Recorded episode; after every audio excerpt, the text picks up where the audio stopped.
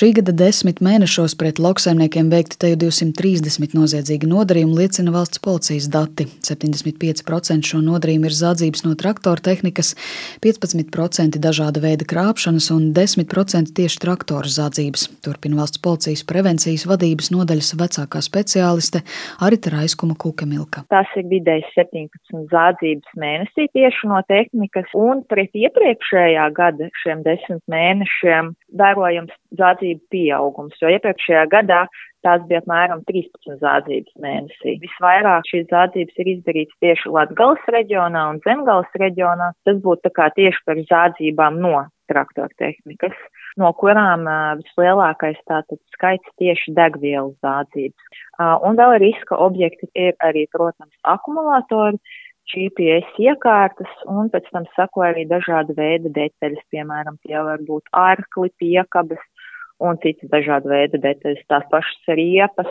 Savukārt krāpšanas lielākoties veiktas interneta sludinājumos, pārdodot traktoru tehniku. Šo gadījumu skaits gan salīdzinot ar pagājušo gadu samazinājies vairāk nekā uz pusi. Biežāk tas ir, kad personas nepārliecinoties tiešām par to, ka prece eksistē, veids avans maksājumus. Tiek norādīta zemāka cena kā faktiskā šī vērtība kaut kādam objektam, tam pašam traktoram, jā, un uz to arī būtu jāpievērš uzmanība, ka ja neatbilst šai faktiskai tirgus vērtībai, ka tas jau ir pirmā sekanā lampiņa, ka kaut kas nav kārtībā. Zemnieku saimnes pārstāvis Mārtiņš Trons prognozē, ka zādzību skaits vēl pieaugs esošās ekonomiskās situācijas dēļ. Pašu traktoru tehniku nozagt un vēlāk pārdot ir kļuvis sarežģītāk, taču arī tehnikas aprīkojuma zādzības var radīt lielus zaudējumus. Jā, diemžēl ir pieaudzis gadījumu skaits, kad tiek veikts zādzības no traktoru tehnikas, dažāda veida aprīkojums, navigācijas un ekrāni. Tur gan tiesa atkal jāsaka, ka varbūt kādam pirmajā brīdī liekas, ka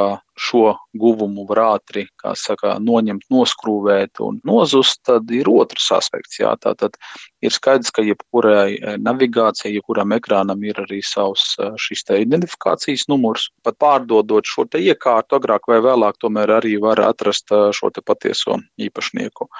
Es, protams, arī aicinātu arī visus potenciālos šo iekārtu pircējus tomēr apzināties arī risku, kāds ir šāda veida iekārtas un aprīkojumu pērkot no rokām. Tāpat Trons norāda, ka līdz ar ziņām par darbinieku krīzi iekšlietu sistēmā ir bažas par to, cik efektīvi policija spēs iesaistīties šo zādzību lietu risināšanā.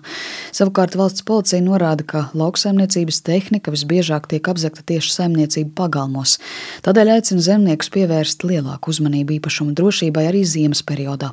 Pirmkārt, būtu tehniku atstāt slēgtās vietās, kur atslēgas pieejams tikai piederošām personām, kā arī, ja iespējams, tad eh, jāuzstāda sensoru gaismu, kur šī tehnika tiek glabāta. Un, lai samazinātu iespēju kļūt par degvielu zādzību upuri, ir iespēja iegādāties speciālo degvielas tvertnes bāku ar slēdzeni. Vēl būtu nepieciešams bloķēt tehniku un izņemt no tās visu vērtīgo.